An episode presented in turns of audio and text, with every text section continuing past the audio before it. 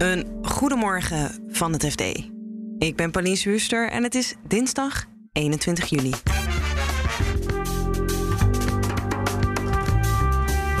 De kolencentrales mogen in Nederland weer op volle toeren gaan draaien. Of dat snel gaat gebeuren is nog maar de vraag. Maar het is in ieder geval pijnlijk voor klimaatminister Jette. Het is een beroemde foto waarin hij met een duim omhoog voor dat bord staat van D66, waarin staat we halen hem weg. Ja, dat is natuurlijk pijnlijk als je nu uh, je weer verder wilt oproept om, uh, om open te gaan. En buitenlandse cryptobeurzen werven Nederlandse klanten terwijl ze geen registratie bij de Nederlandse bank hebben. Voor Nederlandse partijen is dit gewoon best wel zuur, omdat zij moeten wel zo'n registratie aanvragen een paar jaar terug al. En dat heeft gewoon ontzettend veel geld gekost. En buitenlandse spelers die, die, die weten dat gewoon te omzeilen. Dit is de dagkoers van het FD. Het kabinet heeft besloten om per direct de productiebeperking voor codecentrales voor 2022 tot en met 2024 in te trekken.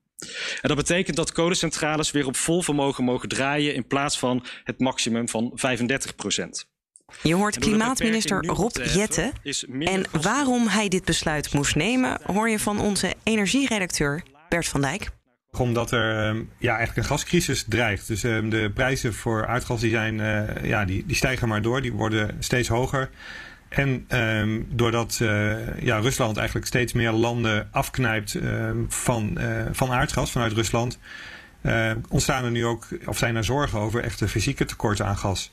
Um, en dus is het noodzaak om zoveel mogelijk gas ja, te besparen om die, dat, dat dichtdraaien van die Russische gaskraan op te vangen. En ja, misschien een hele simpele vraag, maar hoe besparen we gas door kolen te verbranden?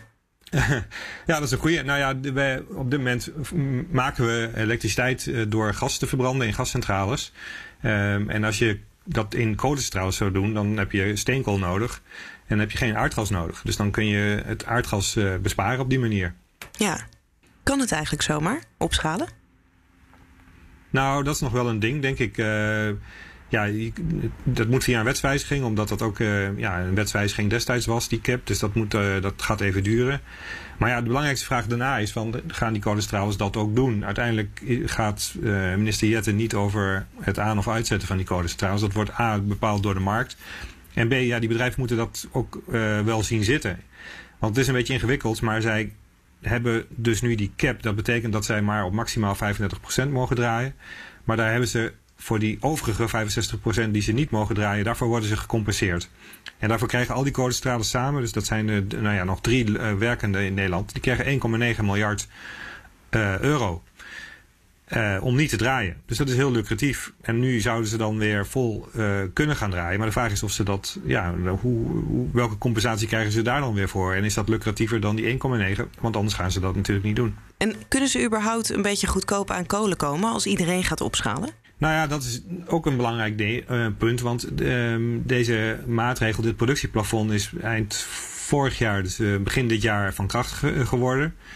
Ja, centrales dachten toen dat dit, want dat was het plan om dat tot 2024 vol te houden. Dus die hebben ook geen kolen ingekocht. Althans minder, tot die 35 procent. En nu moeten ze dat wel weer inkopen. Maar ondertussen, dus in de afgelopen wat, vijf, zes maanden, is de kolenprijs verdrievoudigd. Dus ze zijn nu ook, ja, iedereen moet nu toch weer op zoek naar kolen als ze naar die 100% willen gaan. Uh, dus ja, dat, uh, dan worden ze geconfronteerd met een drie keer zo hoge prijs. Plus het feit dat niet alleen Nederland nu die kolencentrales weer gaat aanzetten, maar nou ja, inderdaad ook Duitsland. Maar er zijn ook andere landen in Europa die al hebben gezegd dat ze meer kolen willen gaan stoken om daarmee die aardgascentrales uit te zetten en te, daarmee aardgas te besparen. Dus de vraag neemt ook nog eens toe. Dus die prijs zal alleen maar verder gaan, uh, gaan stijgen. Het doel van die cap was destijds om het Urgenda-fonds uh, in zicht uh, te laten houden. Ja. Um, in hoeverre komt dat in gevaar nu? Nou ja, dat moet nog blijken. Minister Jettes gaf in de persconferentie aan dat, het, dat deze maatregel ook gepaard gaat met extra besparingsmaatregelen elders. Dus, maar hij uh, beloofde daarvoor maatregelen die later dit jaar, volgens mij zei hij, voor Prinsjesdag zullen komen. Uh, maar goed, er zijn ook energiedeskundigen die zeggen dat sowieso dat vonnis wel wordt gehaald. Omdat door juist door die torenhoge aardgasprijzen de afgelopen tijd er ook heel veel aardgasverbruik uh, is, uh, is afgenomen. Dus Het is maar de vraag of dat, of dat voor de agenda van ons ook echt nodig is. En de kolencentrales die vallen onder, in het, of onder het Europese emissiehandelssysteem. En dat betekent dat hier weliswaar dan, als je hier meer stookt, de CO2 omhoog gaat. Maar je hebt daar uitstootrechten voor nodig. Ja, en die zijn beperkt. Dus als je ze hier gebruikt, dan kun je ze niet elders in Europa gebruiken. Dus in, elders in Europa is de uitstoot dan minder. Dus per saldo voor het klimaat uh, moet het niet uitmaken. Dan natuurlijk denken mensen ook gelijk aan uh, Groningen. Um, tijdens de persconferentie gaven Vuilbrief en Jette ook aan... dat is echt nog steeds ons laatste redmiddel. Um, ja. Is dat hiermee dan ook echt afgetikt, denk je? Nee, dat denk ik niet. Uh, Velbrief gaf aan dat hij alle velden op de waakvlam uh, in ieder geval wil houden. Ja, en, en, daarmee houdt hij toch de, mo de, mogelijkheid open om als er inderdaad, als het echt uit de, uit de hand loopt, of als de hele gaskraan vanuit Rusland dichtgaat en er met name huishoudens en ziekenhuizen geen, ja, als daar geen gas meer voor beschikbaar zou zijn, ja, dan, dan gaat Groningen open. Dat is, leidt zonder twijfel. Maar de vraag is of het zover komt. Hij is heel stellig in dat hij het, veld, het Groningenveld wil sluiten in 2023 of 2024. Maar niemand kan in de toekomst kijken. Dus uh, ja, het is, uh, het is afwachten. Ja, en ik snap dat jij ook niet in de toekomst uh, kan kijken, Bert. Maar als je het zo schetst dat het nou, misschien niet heel lucratief is om die centrales te laten draaien. En dan zijn de kolen ook nog heel duur. hoe groot acht je dan de kans dat, ook al mag het nu straks, we echt weer op volle toeren kolencentrales hebben in Nederland? Nou, ik denk dat ze er uiteindelijk wel weer zullen uitkomen. Maar dat vergt wel onderhandelingen. En dat wordt weer. Het is eigenlijk. Ja, je krijgt weer een compensatie voor een wegvallende compensatie. Het is allemaal niet heel fraai natuurlijk. Hoe het klimaatbeleid en met name de, die kolencentrales, uh, dat beleid rondom. En het is natuurlijk voor minister Jette een enorme nederlaag. Hij heeft zichzelf destijds op de foto laten zetten bij de Hemwegcentrale, de kolencentrale in Amsterdam, die dicht moest. Dicht moest is een beroemde foto waarin hij met een duim omhoog voor dat bord staat van D66, waarin staat we halen hem weg.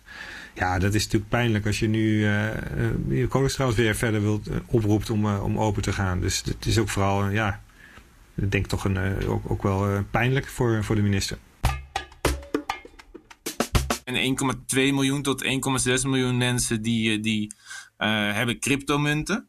Uh, dus ja, het is een hele grote markt. Wij, wij lopen toch wel een beetje voorop, als je, het, uh, als je het zo wil zeggen. Dus het is ook wel logisch dat buitenlandse partijen naar deze markt kijken. En zoiets hebben voor, ja, hier, hier wil ik ook meedoen. Dit is onze crypto-redacteur Pim Brasser, die vertelt waarom Nederland zo'n interessante markt is voor cryptobeurzen.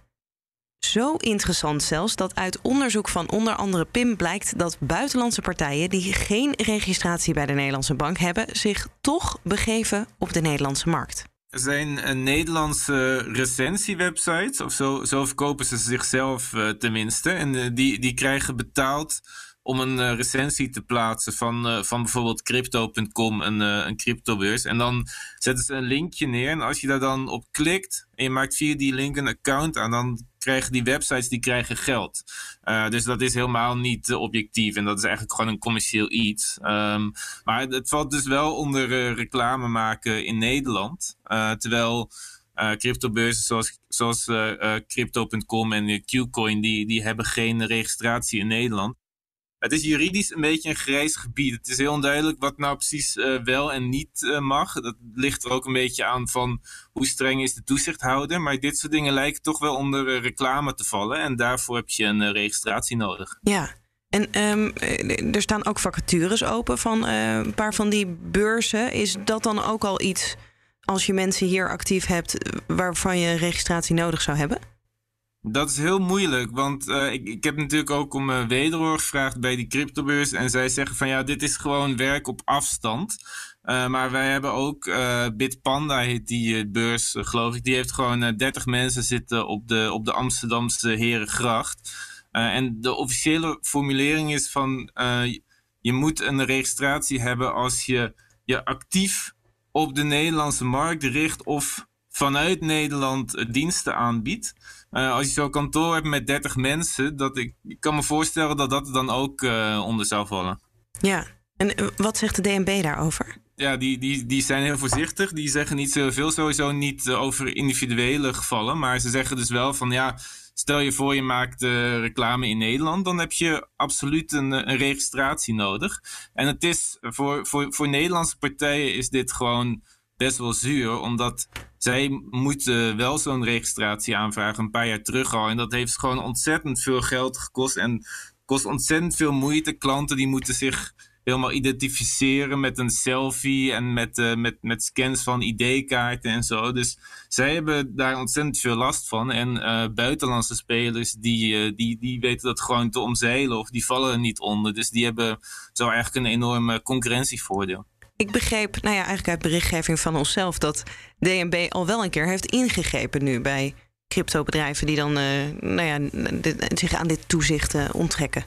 Dat heb ik opgeschreven, ja, en dat, dat klopt ook. Alleen, we weten daar gewoon heel erg weinig over. Omdat de Nederlandse bank, die, die beroept zich op het uh, vertrouwelijkheid van het toezicht. En zeggen van, ja, er lopen zaken, maar uh, we mogen daar pas iets over zeggen als het hele proces is afgerond. Uh, dus we weten dat er is ingegrepen, maar we weten, we weten niet tegen wie. We weten ook niet wanneer. En we weten ook niet precies of er boetes of dwangsommen uh, zijn uitgedeeld. Dus um, minister Sigrid Kaag die heeft in ieder geval gezegd dat ze het heel serieus nemen en ermee bezig zijn. Maar hoeveel er precies gebeurt, dat, daar hebben we eigenlijk geen idee van.